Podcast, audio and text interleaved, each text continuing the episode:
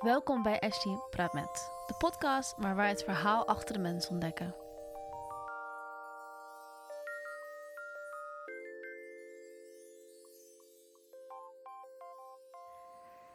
Hallo, Hallo. goedemorgen. Ik zit hier, zo, ik zit hier met Lot Pauwes. Yes, hoi. Hi, hoe voel je je? Ik voel me wel goed. Ik heb een theetje en ik ben relaxed en het is hier lekker warm, dus ik ben wel blij. Ja. Ja. Fijn. Ja. hey, we gaan het over best wel veel dingen hebben vandaag, wat ik op mijn lijstje heb staan.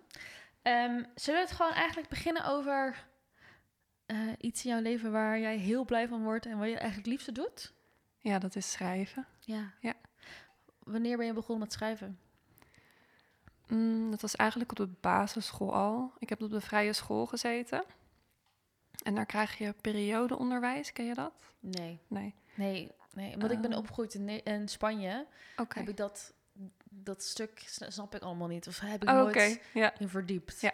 Nou, op de vrije school krijg je periodeonderwijs. En dat betekent dat je drie of vier weken volgens mij de eerste twee uur in de ochtend hetzelfde doet. Oh ja. En dan heb je bijvoorbeeld ehm aardrijkskundeperiode, ga je het over specifieke landen hebben of geschiedenis over de Egyptenaren, dat soort dingen, zodat je heel erg kan verdiepen. En dan koppelen ze daar rekenlessen aan. Dus dan ga je rekenen over Egyptenaren, zeg maar wat.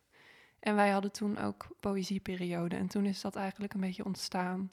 Toen zijn we met de klas, ehm, hebben we meegedaan aan een poëziewedstrijd hebben we niet gewonnen. Maar dat was gewoon heel leuk. En toen ontstond bij mij zoiets van, oh, kan dit eigenlijk wel? Was in groep 8, denk ik, of zo. En op de middelbare school eigenlijk hetzelfde. Hadden we ook literatuurperiode en eh, poëzieperiode. En toen heb ik ook voor het eerst opgetreden in de Biep. Met gedichten die je zelf dan had geschreven. Wat leuk. Ja, dus er werd heel erg eigenlijk eh, gestimuleerd en eh, bemoedigd om dat te doen. Mm. Dus toen is dat eigenlijk al ontstaan, best wel vroeg. Wauw. Ja. En eigenlijk sindsdien nooit meer gestopt dus. Want hoe Nee. oud ben je nu? Ik ben nu 27. Ja. Ja. Dus al meer dan de helft van je leven. Ja. Wauw. Ja. En het is eigenlijk, ik heb het ook ehm, als kind ook wel geleerd. Ik weet nog dat onze kat was overleden. Ik kom echt uit zo'n kattenfamilie. We hadden allemaal altijd katten eigenlijk. En eh, daar was ik heel verdrietig over. En toen, ik weet niet of ik er zelf mee kwam of dat mijn juf dan tijdens die periode zei, nou daar kan je over schrijven. Maar daar had ik een gedicht geschreven over dat de kat dood was en dat ik daar verdrietig over was. Dus het was ook heel snel al een soort dat inzetten om iets te verwerken. Wauw, wat mooi. Ja. Dat is echt... Ja, en dat, dat je leraar dat ook gewoon tegen jou zegt. Echt Mhm. fantastisch. Ja, ik denk dat eh, schrijven echt wordt onderschat over van hoeveel impact het kan hebben om iets te verwerken. Ja. Je schrijft het echt van je af. Ja, en ik vind ook, dat vind ik ook zo mooi daaraan, dat je het er later weer bij kan pakken. Omdat je ehm, bepaalde emoties of, of gebeurtenissen die je hebt verwerkt, kunnen ook weer in je hoofd veranderen. En dan kun je weer kijken hoe het toen was. En dat vind ik zo mooi aan schrijven. Dan kan je weer helemaal terug naar dat gevoel van vroeger. Kan je weer even daarin zitten of zo. Ja. Dat vind ik heel mooi daaraan. Dus heb jij nog al jouw schriftjes en zo van Alles. vroeger? Ja. Echt? Ja, ik had vroeger een. ehm, eh, elk jaar had ik een poëzieboekje. En dat hield ik dan bij. Dan kocht ik gewoon een heel mooi boekje. En dan schreef ik daar elke maand eh, een paar gedichten in. Om mezelf ook te blijven stimuleren om dat te doen.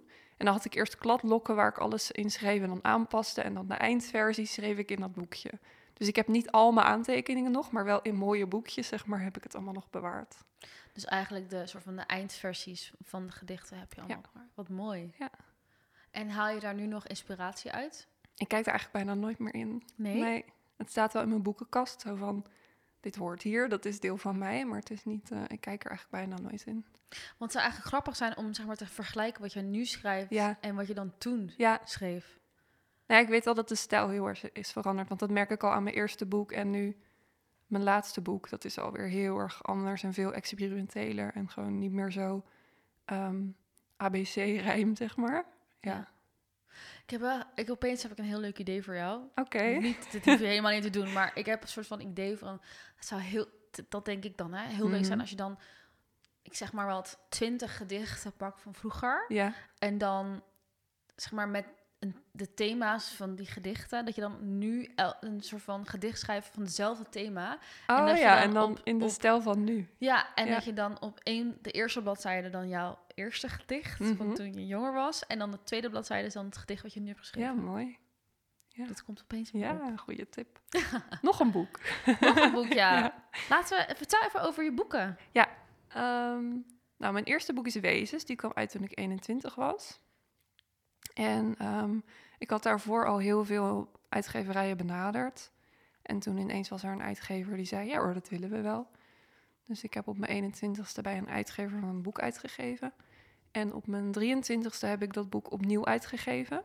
Dat boek heet dus Wezens.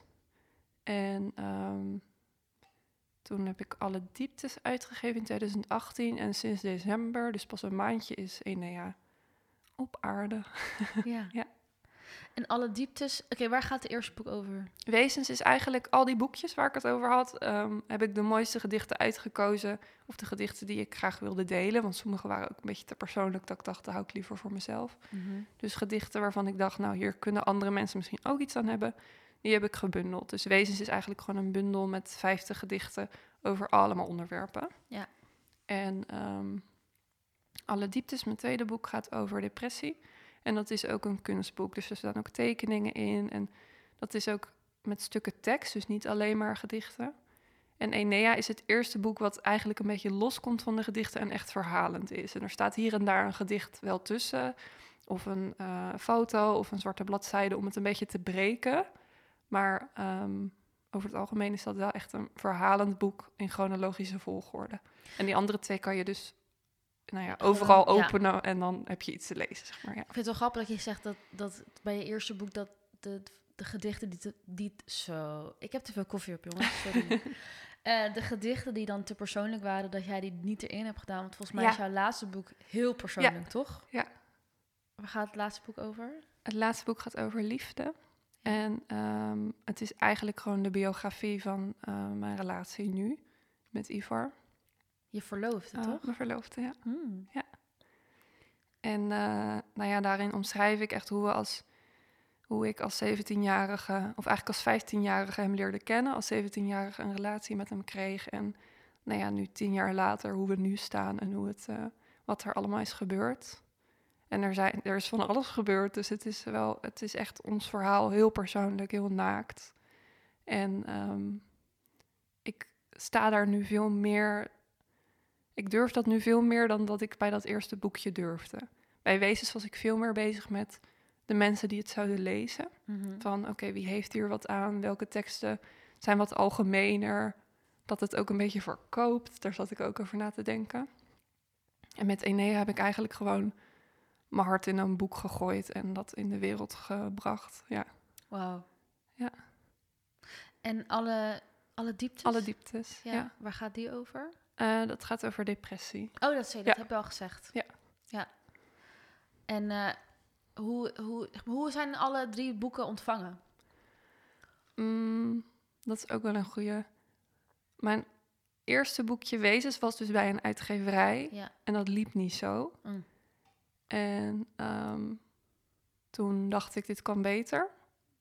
En dan kom ik ook gelijk op een stukje duurzaamheid. Ik vond hoe de uitgeverij het aanpakte niet zo duurzaam.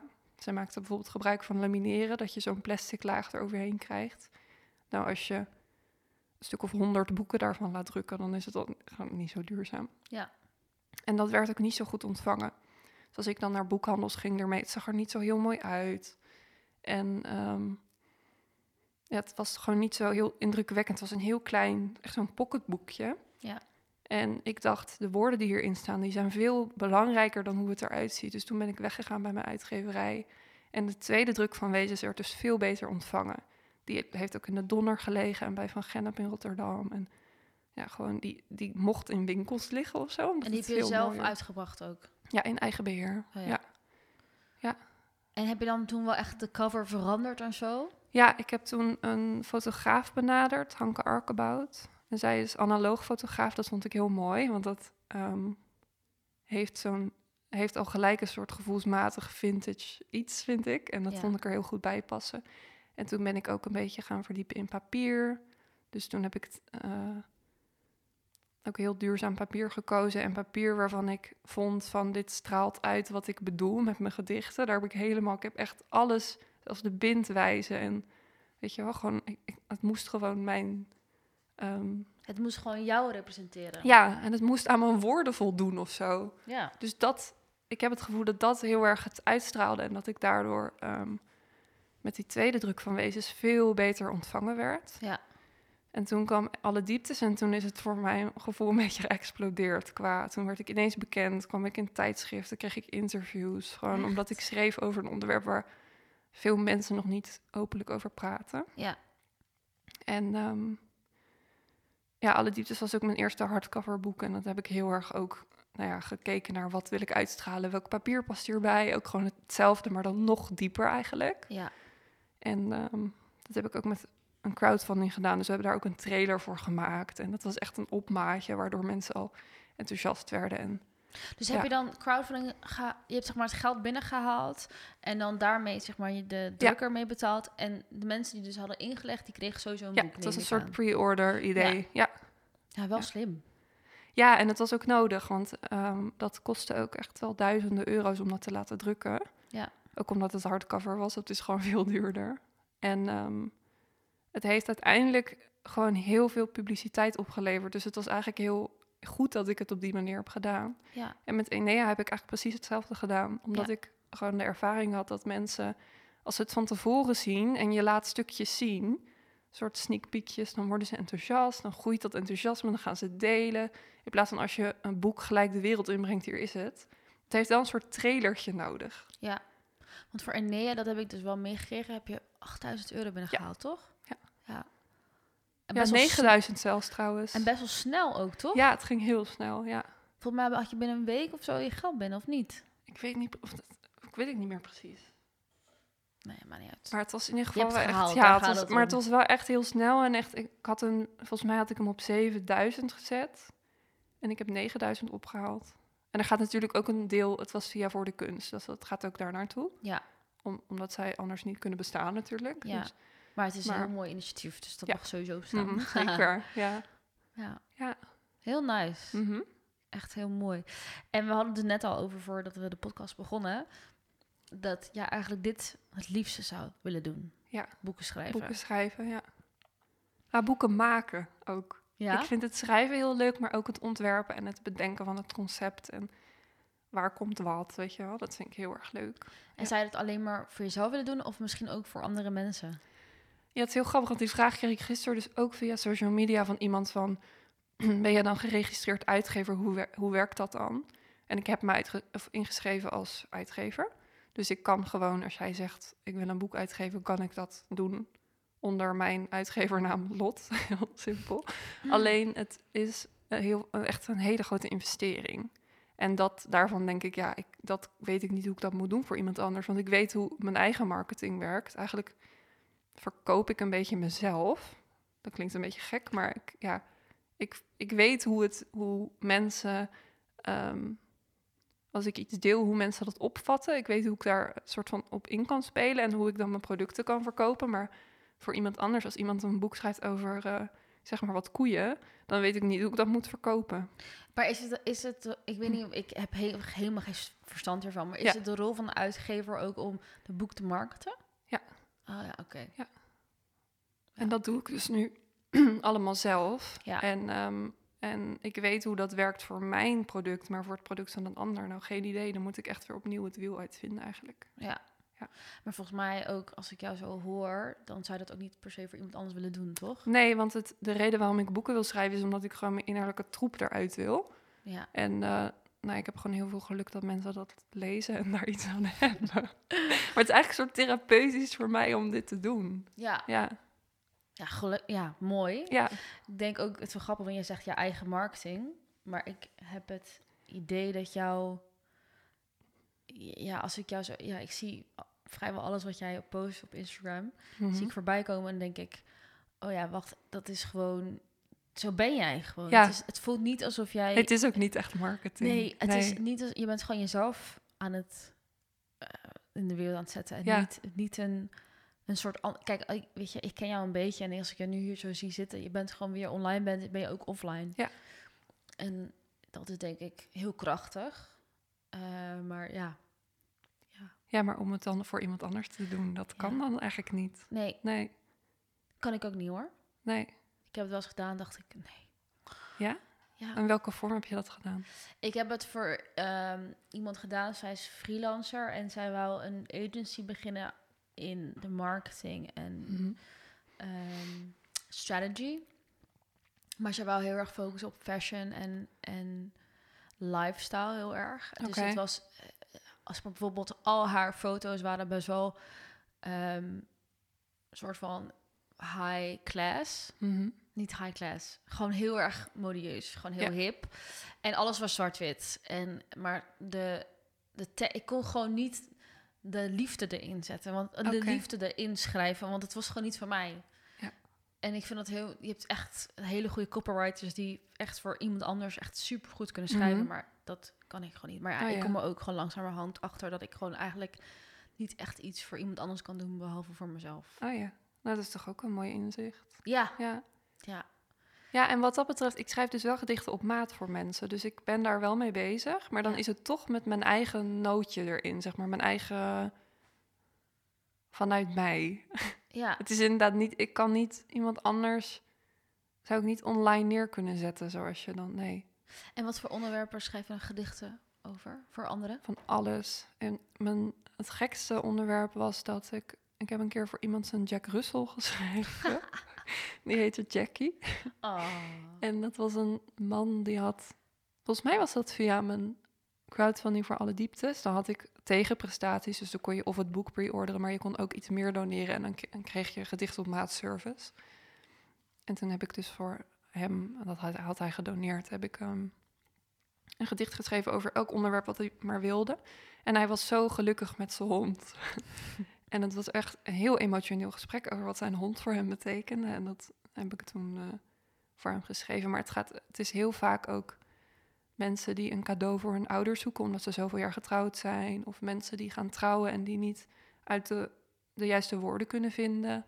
En dan ehm, gaan we gewoon in gesprek en dan vat ik dat een soort van samen in wat zij mij gezegd hebben. Dan maak ik daar een gedicht van. Echt heel Ja. mooi. Echt, eigenlijk wat je dan doet is, je verrijkt iemands persoonlijke leven heel erg. Ja, maar ik gebruik ook heel erg de woorden die mensen tegen mij zeggen, gebruik ik in het gedicht. Ja. Dus eigenlijk is het, het voelt voor mij een beetje als een dienst.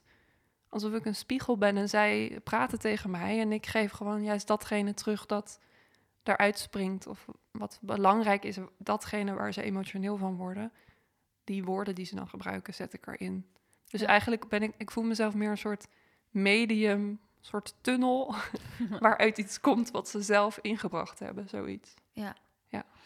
Even over iets anders, want net voor kerst heb jij dus, ben jij een samenwerking aangegaan en heb je bundels verkocht ook. Ehm, ik kan echt, ik weet niet. Lichtboxjes. Ja, lichtboxjes. Ja. Hoe Ja. is dat allemaal ontstaan? Ja, dat was eigenlijk ook heel spontaan. Ik had een corona-gedicht geschreven. Ook heel marketingtechnisch idee van waar hebben mensen nu behoefte aan en hoe kan ik daar een beetje wat aan verdienen. Want ik zag ook wel dat mijn inkomsten door corona een beetje achteruit gingen. En toen ehm, was eigenlijk een idee van mijn moeder die zei: Hier moet je iets over verkopen, ga er wat mee doen, weet je wel. en toen heb ik een gedicht geschreven. ehm, wat eh, laatste zin daarvan is van binnen wordt het licht. Het ging heel erg over, oké, alles is misschien kut nu, maar van binnen kan je heel de tijd ervoor kiezen om positief te blijven. Ja. En om juist van deze situatie gebruik te maken. Daar, dat is een beetje de ingang van het gedicht. En toen heb ik aan mevrouw Knot, zij is vormgever, heb ik gevraagd, joh, kan jij hier iets bij bedenken? Ehm, heb je nog een mooi papiertje of een illustratie die je hier mooi bij vindt passen? En toen heeft zij een illustratie voor me gemaakt en toen was het een kaartje, dat was het product. En dat liep wel, maar niet zo heel erg. En toen dacht ik, er kan hier gewoon veel meer bij. En toen kwamen inderdaad de feestdagen er een beetje aan. En toen heb ik aan Marianne van ehm Instagram, heet zij. eh, dat is gewoon een Instagram-account met ehm, vintage spulletjes die ze verkoopt. En zij heeft ook een fysieke plek in Rotterdam. Ik had aan haar gevraagd, ik was met haar gewoon in gesprek. Ehm, en toen kwam dat heel spontaan dat ik vroeg... heb jij dan niet kandelaars waar kaarsjes in passen, dat we dat samen doen of zo, weet je? En dat matchte eigenlijk heel goed. Hebben we van die hele kleine kerstboomkaarsjes met zo'n kandelaartje en dan dat kaartje. En toen had ik ook nog bedacht, dan doe ik er een droog bloemetje bij, want in plaats van een bos bloemen heb je dan een heel klein bloemetje. En dat werd zo een pakketje samen. En ik ben sowieso heel erg van het inpakken met sterretjes en dat het een beetje universumpjes worden of zo. Ik wil heel graag als je iets bestelt bij mij en je pakt het uit, dat het een soort wereldje op zich is. Dat vind ik heel mooi. Echt een experience. Ja, dat wil ik heel graag. En ehm, dat past allemaal heel goed bij elkaar. Dus ineens werd dat een soort hit. Maar dat is echt binnen, denk ik, twee weken bedacht of zo. Leuk. Ja. En het ging heel snel. Je was heel snel uitverkocht. hè? Ja, ja. En bij sommige boxjes zat er ook nog een, ehm, een sterretje bij. Dat was ook nog een idee. Heeft mijn zus kan eh, haken. en die had van gouddraad had ze van die sterretjes voor in de kerstboom. Dus dat was dan weer een beetje kerstthema. Ja, ging heel snel inderdaad. Echt heel leuk. Ja. Echt wel, wat ik heel erg aan, aan jou zie en jou hoor dan nu, is dingen die heel erg vanuit jezelf komen en, Mhm. en heel authentiek zijn. Die zijn de dingen die dat echt heel erg goed lopen voor Ja, jou dan. ja. Ja. Ja, maar ook wel dat ik, ik denk dat ik ook wel kan bedenken aan welk gevoel hebben mensen nu behoefte. Wat, Ja. wat niet, zo, niet per se wat willen mensen nu horen, maar wat zou ik mensen willen ehm, bieden op dit moment. Ja. En dan, dat is vaak ook iets wat ik zelf ook nodig heb. Ja. Ehm, Heel empathisch. ja. Ja, mooi. ik zat, we hebben het niet opgeschreven, maar jij maakt ook kunst. Ja. Of je verft, toch? Je ja, verft ik en schilder je... en ik teken. Ja. Ja. Ehm, doe jij daar eigenlijk nog iets mee om dat je verkoopt of iets? Nee, ik verkoop het niet. Het, is, het komt eigenlijk voort. ik geef kunstzinnige therapie. Mm. En ehm, daar, daar zet ik dat in. Ja. Die het zijn therapeutische teken- en schildertechnieken.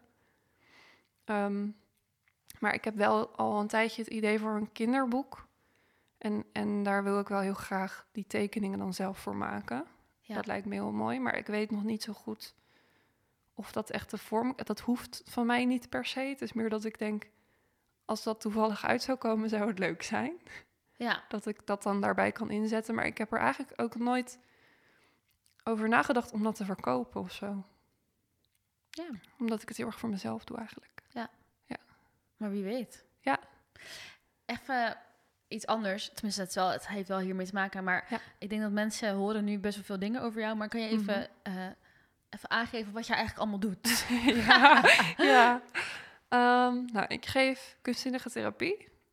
Ehm, ik, ik, maak, ik ga het even ja, gewoon opzommen. even een Ja. lijstje maken. Kunstzinnige therapie doe ik. Dat doe ik eigenlijk het minst. Ik geef yoga. Dat ligt nu door corona een beetje stil, maar ik geef wel privélessen. Ik schrijf boeken. Ik maak product. Ik zeg sinds kort ook dat ik productdesigner ben, want ik design ook gewoon producten. Ja. Dus ik verkoop ook ehm, bijvoorbeeld doosjes met kristallen erin. Dat doosje heb ik helemaal zelf ontworpen, bijvoorbeeld. En ik schrijf gedichten op maat. Ehm, ik run een webshop. Het heeft wel allemaal met elkaar te maken. Met die producten erin, Ja. toch? Ja.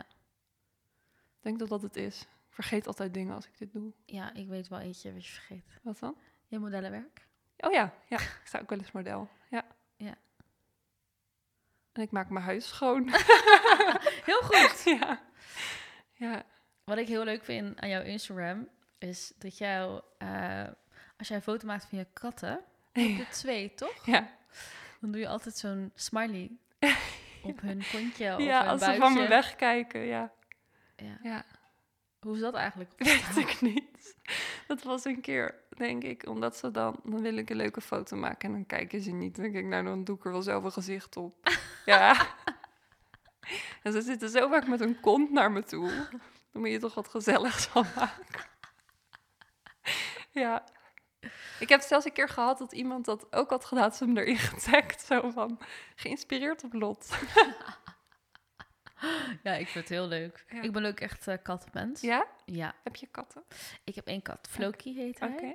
Eh, maar ik ben echt opgegroeid met katten. Oh ja. Eigenlijk op het moment dat ik geboren was, werd, Mhm. eh, hadden mijn ouders... ehm, we hadden sowieso drie katten, maar de, één, twee van die katten hadden twee, een nestje. ja. Dus er waren echt gewoon iets van 12, 13 katten in mijn huis toen Zo, ik ja. geboren werd. Ja. Ja.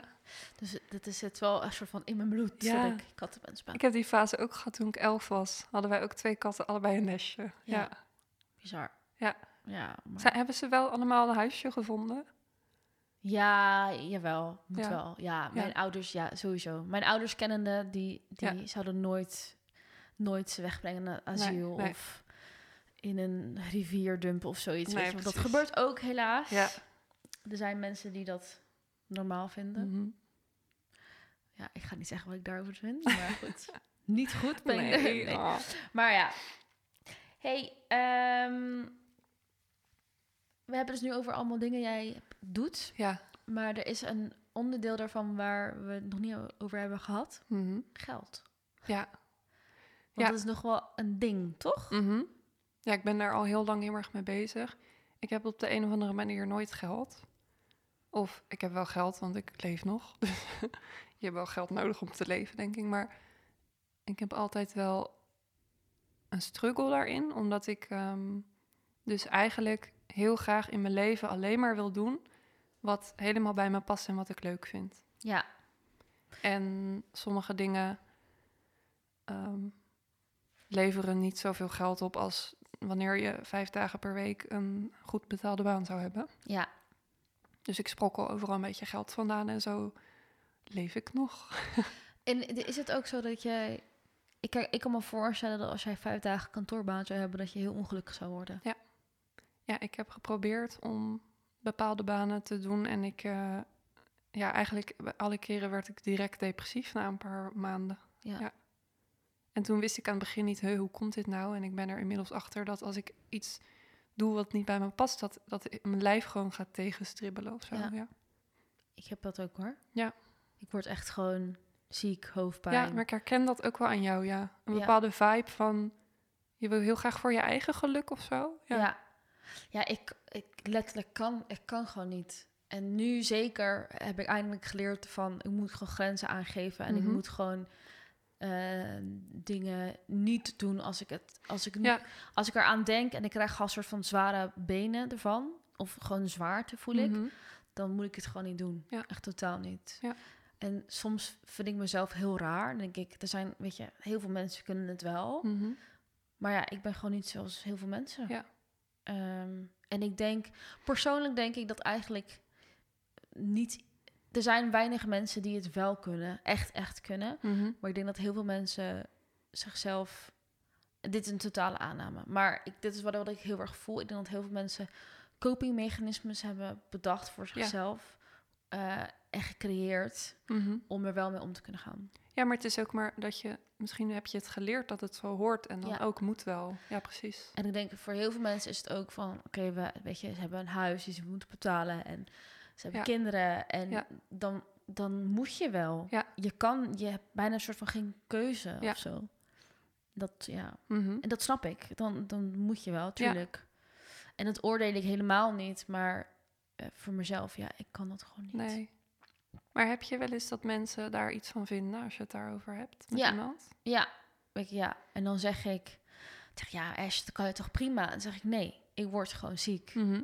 En ehm, ja, er wordt misschien op een bepaalde manier op neergekeken, maar ik trek daar Ja. gewoon niks van aan. Als jij Nee. niet, als jij niet, als jij mij oordeelt op het feit dat ik zeg maar gewoon naar mijn hart wil, Mhm. hart wil volgen, dan ja, dan, dan I'm not really interested. Nee, gewoon. precies. Ja. Ja, Ja. je mag ervan vinden wat je wil, Mhm. maar ik weet hoe het voor mij zit. Ik vind het mooi dat je dat zo kan zien. Dat je daar al bent of zo. Nou, maar dat is niet waar, hè? Want ik heb af en toe momenten dat ik echt gewoon niet lekker zit in mijn vel. En dan denk ik echt, my god, Ashley, kan, kan je niet gewoon even een keertje normaal zijn? precies. Of, ja. Ehm, ja, en dat ik me daar gewoon... Weet je, ik heb ook die struggle van, weet Mhm. je... Ik ben nu op een moment, op een moment in mijn leven dat ik denk... pff, ik ben gewoon klaar met eigenlijk nooit geld hebben. Of tenminste, ik, ik kan wel af en toe... Weet je, ik kan wel een paar keer per jaar op vakantie gaan of zo. Ja. Maar ik, ben, ik wil gewoon geld hebben. Ik wil Ja. gewoon niet hoeven nadenken van... Oh, kan ik dit wel uitgeven of Ja. niet? Dus dat is voor mij ook waar ik in zit. Van, oké, hoe ga ik dat doen? Mhm. Maar ik zat te denken, ik heb net opgeschreven... Oké. Voor jou, misschien is het petje af een idee. Ken je dat? Nee. Ken je Nou, wacht. Patreon? Misschien ken ik het wel, maar vertel maar. Ken je Patreon in Amerika? Nee. Petje af is eigenlijk een soort van... Mensen kunnen een eenmalige donatie naar jou toe Ja. ma- overmaken. Of ze kunnen gewoon maandelijks iets overmaken naar jou. En dan kan je, zeg maar, behind the, behind the paywall... Mhm. kan je gewoon dingen aanbieden. Zeg maar als extraatje. Oh ja. Dus Is het een soort abonnement-idee dan? een soort van, ja. ja. maar dat voor, het wordt heel veel gebruikt voor vloggers, bloggers, Oh ja. podcasters. Ja. Ik zit er zelf ook een beetje over na te denken voor de podcast. Ja. Maar er zit toch iets wat mij daar tegen, tegenhoudt. Maar ik weet nog niet wat het is. Oké. Misschien omdat ik net ben, net ben begonnen met de podcast. En ik denk, wie gaat hiervoor betalen? Oké. ja, mijn eigen ding. Je moet daar... Dus eh, eigenlijk een, een bepaalde waar, zelfwaarde. Of... Ja, ja, en ook omdat ik misschien de gedachte heb van alleen maar podcasts die weet je, duizenden keren beluisterd worden per episode ehm, verdienen, verdienen het om geld te verdienen of zo. Ja. Terwijl me dit gewoon geld, wel Mm. geld kost, weet je. Ja. Het is wel, Ik vind het heel herkenbaar. ja, Het, is al, het heeft heel erg te maken met vergelijken.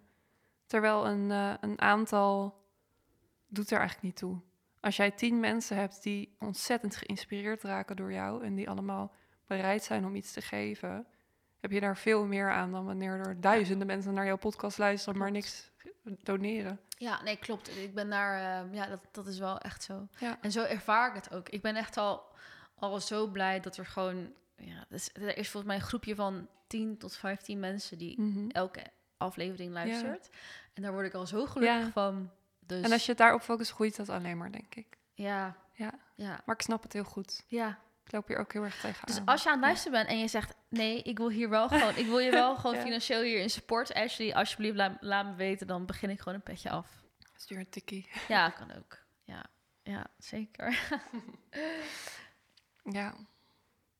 Maar laten we hier even ook. Misschien moeten we even één, één keer er zoveel maanden gewoon even samen zitten en even hebben over dit hele geldding. ja, want geld is echt... Ik vind ook dat daar heel weinig over gesproken wordt. Ja, heb soms... ehm, ik heb een paar van die online seminars gevolgd over ehm, online zichtbaarheid en hoe je kan groeien op social media. ja, Een van die meiden die dat organiseerde zei: Je kan ook volgers kopen. En toen dacht ik: Het gaat toch helemaal de verkeerde kant op. Dan geef je geld uit aan iets wat je geld op zou moeten leveren, maar dan koop je dus volgers die helemaal niet jou kennen, die dan gewoon gekocht worden van: Nu volg je deze persoon. En dat is, werkt gewoon averechts.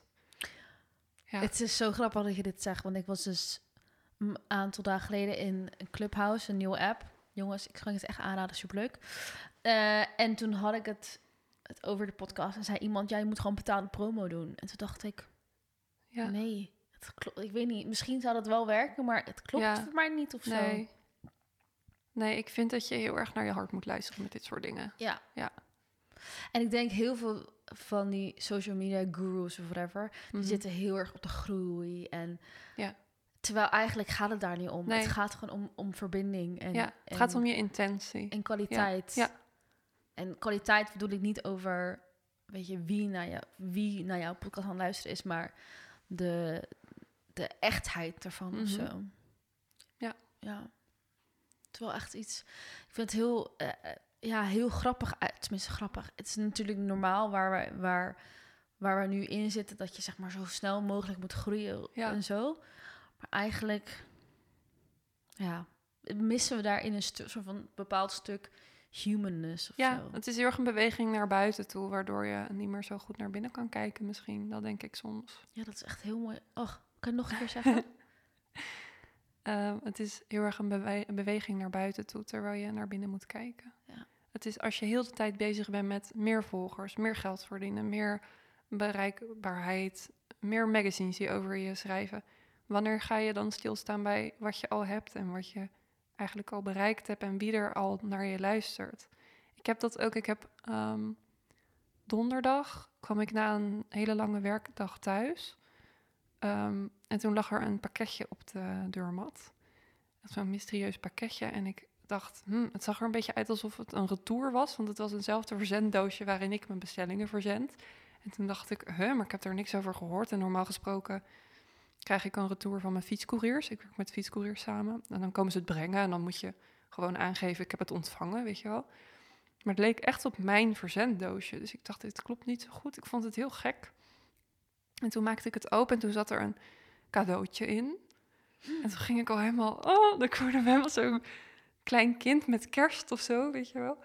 En toen zat er dus een boek in. ehm, het paard, nee wacht, de jongen, het paard, de mol, zoiets. En nog een dier. En nou ja, dat is een boek met allemaal wijsheden erin. Allemaal dingen van ehm, dat die jongen... Het, het moest een beetje aan Winnie de Pooh denken van vroeger. Dat die jongen dan met zijn teddybeer in gesprek is. En wat is het belangrijkste op de aarde? Nou, dat is liefde, weet je. Dat soort quotes staan erin. Hele mooie illustraties. En verder niks. Dat was het. Echt? Dus ik dacht, wat is dit? Het is gewoon verkeerd bezorgd of zo. Maar het was wel echt aan mij gericht. En het was echt in mijn doosje, volgens mij. En toen heb ik er doorheen gebladerd. zat er dus een eh, tekening in. Had iemand mij nagetekend van een eh, post die ik een paar dagen eerder had geplaatst. En er stond een tekst op van... Laat je eigen... Het was in het Engels, maar ik weet het niet meer zo goed. En mijn Engels is niet goed, dus ik vertaal het even vrij. Laat je eigen hoofd je niet gek maken. Je hebt zoveel te bieden, je hebt zoveel waarde. En kijk alsjeblieft naar wie, ehm, wie dat allemaal wel zien in plaats van wie niet. Wauw. En ik dacht van wie is dit? Er stond geen naam bij niks. Ik moest heel hard huilen. Nee, ik was helemaal ik ben, over ik ben ook echt ontroerd. Het was helemaal magisch of zo. En toen heb ik later, ehm, nou ja, later, dit was donderdag, dus ik heb gisteren een eh, berichtje gekregen van iemand van eh NNN, vroeg ze. Toen wist ik al wie dat was. Het is een vrouw die dus al meerdere bestellingen bij mij heeft gedaan en meerdere cadeautjes heeft besteld en die mij dus al heel lang volgt en heel erg fan is eigenlijk. Ik weet niet of ik het zo kan zeggen, fan, maar Ja, wel, ja. ja, en toen, het was zo bijzonder, want ze- ik had toen een beetje gesprek met haar over ehm, dat het zoveel belangrijker is dat, dat je één iemand raakt die dan echt zoiets terug doet, dan wanneer je al die volgers hebt en een influencer bent en eigenlijk helemaal geen contact hebt met de mensen die je volgt. En zij zei, je bent zo iemand die, waarmee je gewoon contact wil hebben, omdat je intentie zo goed is. En dat was Oh. zo mooi. En ik heb dat boek, nou, ik heb het op tafel liggen. Ik ga er nog helemaal naar kijken. Maar dat is echt zo'n cadeau gewoon om te Oh. krijgen. Ja. Ik ben echt, echt zwaar ontroerd. ja, Zo mooi. ja, Ja, ik herken dat ook. Ik soms krijg, ik denk wel één keer per week, één keer in de tien, tien dagen of zo, krijg ik een berichtje van mensen. En over de podcast, over Ja. wat het he- ze heeft gebracht. En dan denk ik echt, oh ja. ja. En dan moet je nagaan dat je eigenlijk nog maar best wel net begonnen bent. Ja. Dat dat nu al komt. Ja. En ook wat me verbaast, en dat heb jij denk ik ook wel, is dat er mensen naar jou toe komen die Ja. dingen van jou afnemen of, of, of reageren op jou. Dat je denkt, huh? Ben je- re- re- kijk jij naar mij? Ja, Dat er mensen zijn die, die naar de podcast luisteren en denken, huh? ja, Hè? ja. Grappig is dat, hè? Mhm. Ik had laatst iets gezien van een quote, dat zei iets zoiets van... eh, the, the people who are close to you... Like, eh, the people who are close to you are... Nee, nee, iemand, like, a stranger is supporting you from far away. Oh ja, Of zoiets. Ja. Maar het was echt heel... En dacht ik, ja, er zijn allemaal mensen... En niet de mensen die ik ken, die, die mij berichten, die zijn geen strangers. Maar ja, er zijn echt gewoon mensen die, die soort van onzichtbaar zijn in Ja. mijn, mijn bubbel waar ik in zit. Ja. Die echt die van de geraakt zijlijn, zijn. ja, ja. en van de zijlijnen echt soort van aan het cheeren Ja. zijn. ja. en het klinkt heel, een soort van heel emotioneel en groot, maar dat is het niet. Maar gewoon wel, ja, echt, ja, dat ontroert mij ook Ja, echt. precies. Maar ik heb het ook wel eens eh, dat ik bij mezelf naga, heb ik dat ook. En ik heb dus ook mensen die ik volg, die helemaal niet zo bekend zijn, bijvoorbeeld, maar die ik dan, waarvan ik elke keer als ze dan iets online zetten of iets hebben gedeeld, dat ik denk, oh leuk, ga ik even kijken, weet je. Ja. Dat je daar enthousiast van wordt, hebben mensen dus ook bij jou. Ja. Daar staan we Reageer denk dan, ik ook, reageer dan ook daar echt op bij, bij andere mensen? vaak wel, ja. Ja, ik, doe- dat is iets wat ik, mm, denk ik ook door corona, wat ik veel meer ben gaan doen. Van Mhm.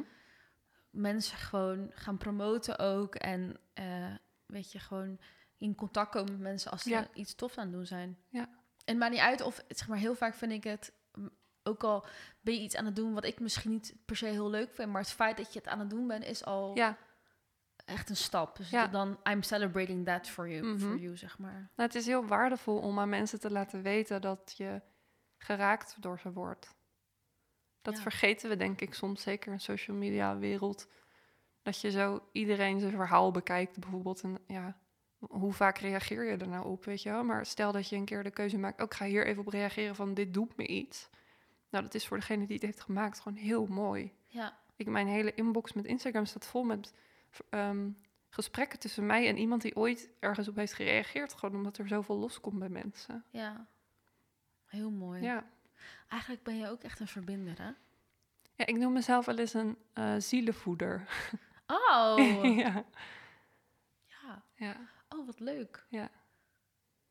Zielenvoeder. Omdat ik, dat heb ik een beetje, ja, ik vind het een beetje een arrogante term, maar ik sta er wel achter eigenlijk.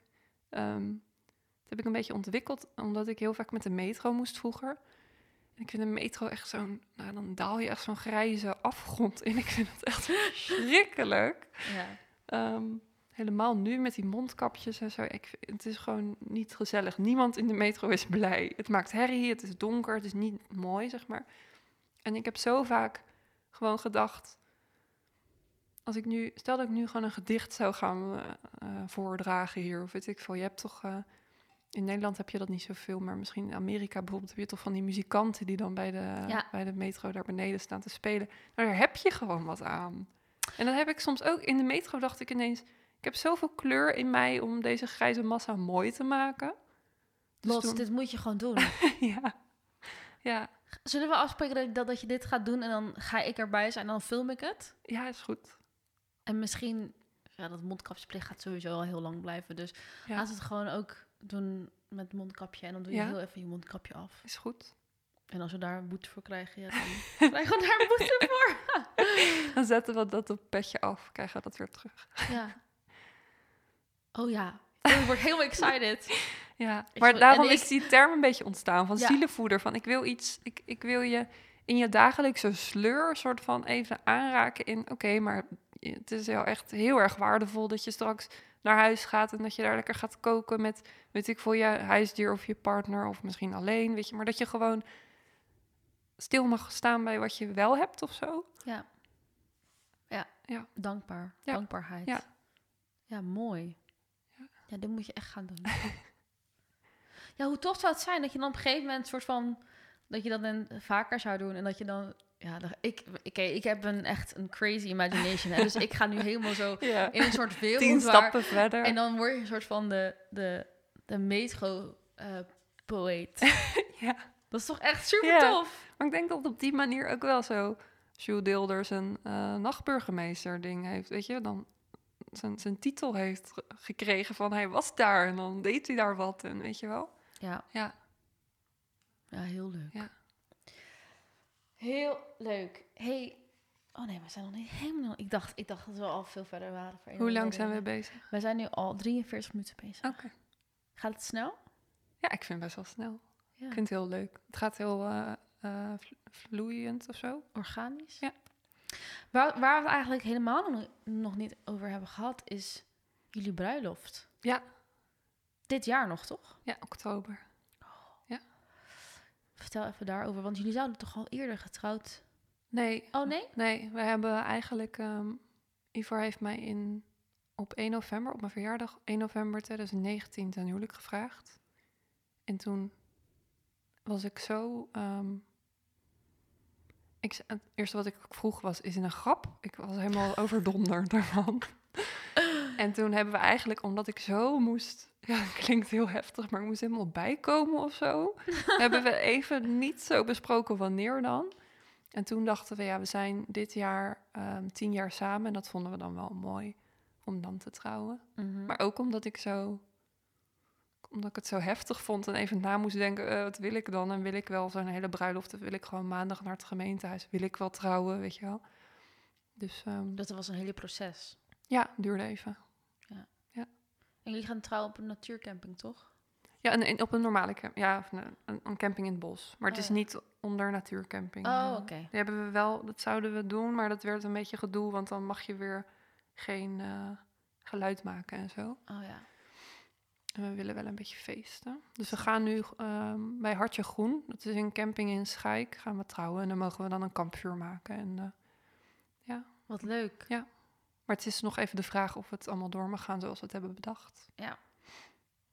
Heb je je jurk al? Ja. Ja?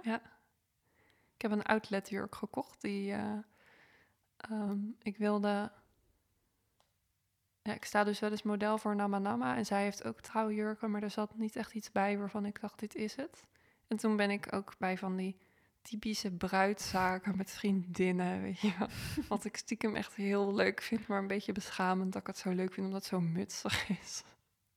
Nee, Ja. joh. Nee, come Ja, on. Je moet daar niet. gewoon Ja. volledig omarm het gewoon. Ja. Want dit is wel een soort van... Ja, het klinkt misschien heel cliché, maar het is wel denk ik heel erg een soort meisjesdroom. Ja, het is gewoon, nou ja, dat je even in de spotlight staat en dat, je, dat iedereen even zegt, oh, wat zie je, ben je mooi of zo. Weet ik wel, dat is gewoon heel leuk. Ja. Ja, nee, maar ik ben, eh, ik heb heel veel, nou niet zo heel veel eigenlijk. Ik ben bij twee andere bruidzaken geweest met verschillende vriendinnen. Eentje, dat was een beetje, nou ja, zo'n budgetzaak. En eentje was een hele dure, waar ik altijd al naartoe wilde. Omdat het, ze, hebben echt van die jurken uit, uit eh, Australië, van die hele overdreven jurken.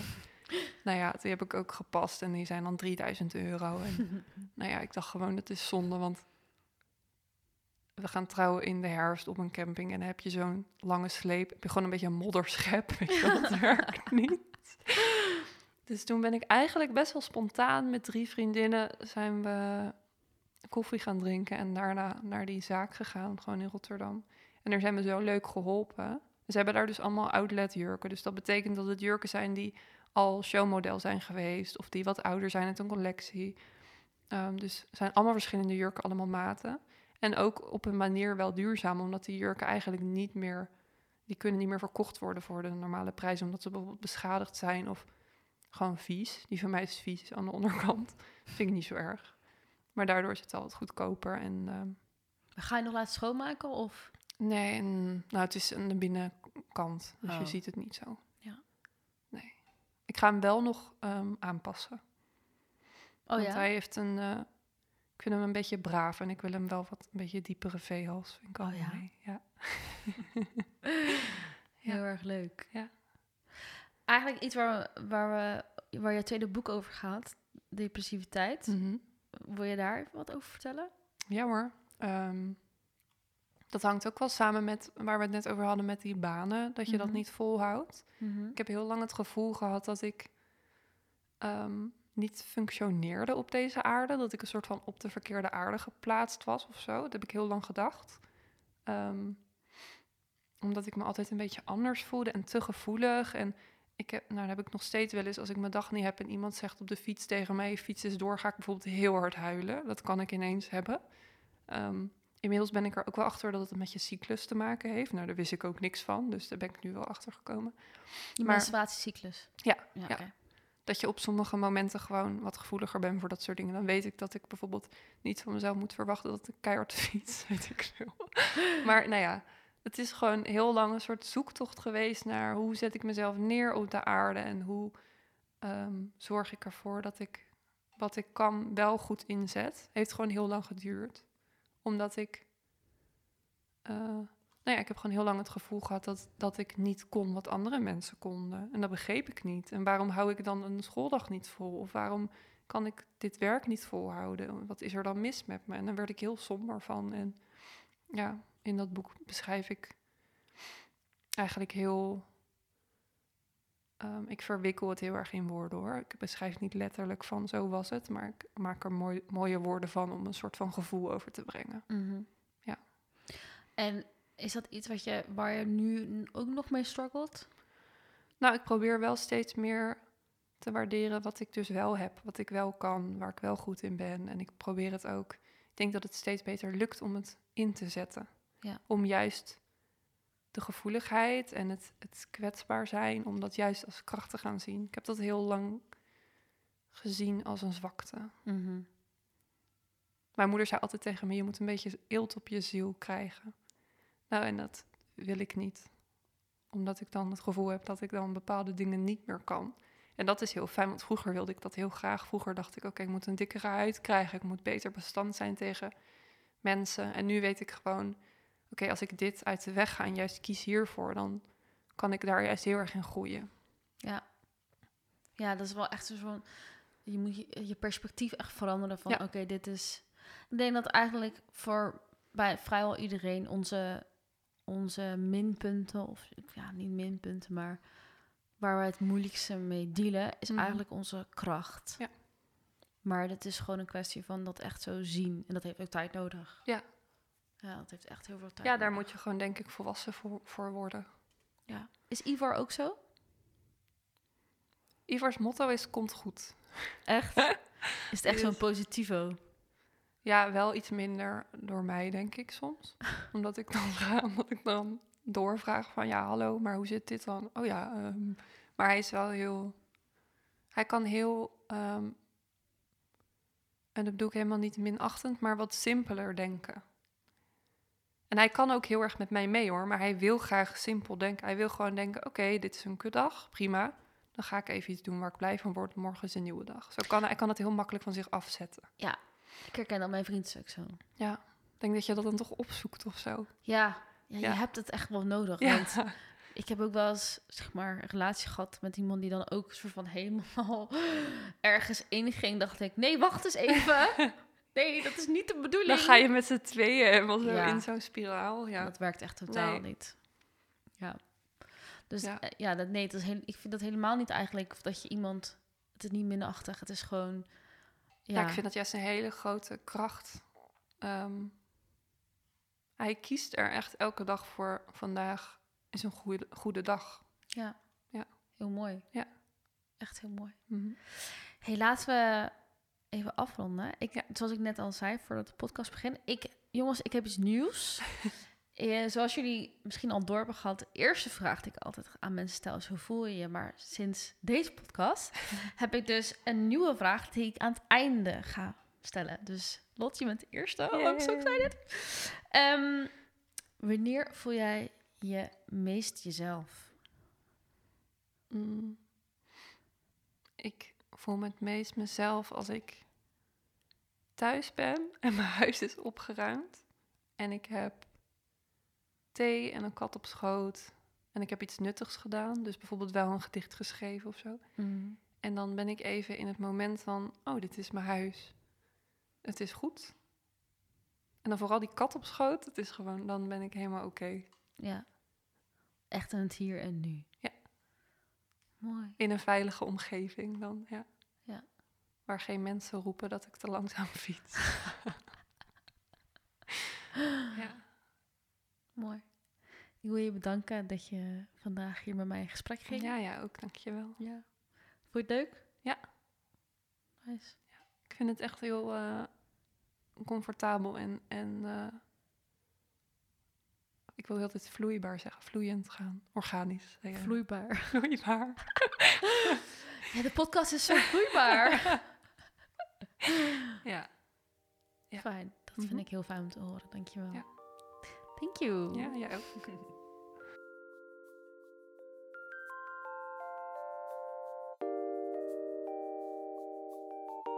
Zo, dat was hem weer. Ik hoop dat je dit een interessant gesprek vond. Zo ja, wil ik je vragen om te abonneren op de podcast en ons te volgen op Instagram, Ashley Praat met Podcast. Delen en een review achterlaten wordt enorm gewaardeerd. Tot de volgende keer.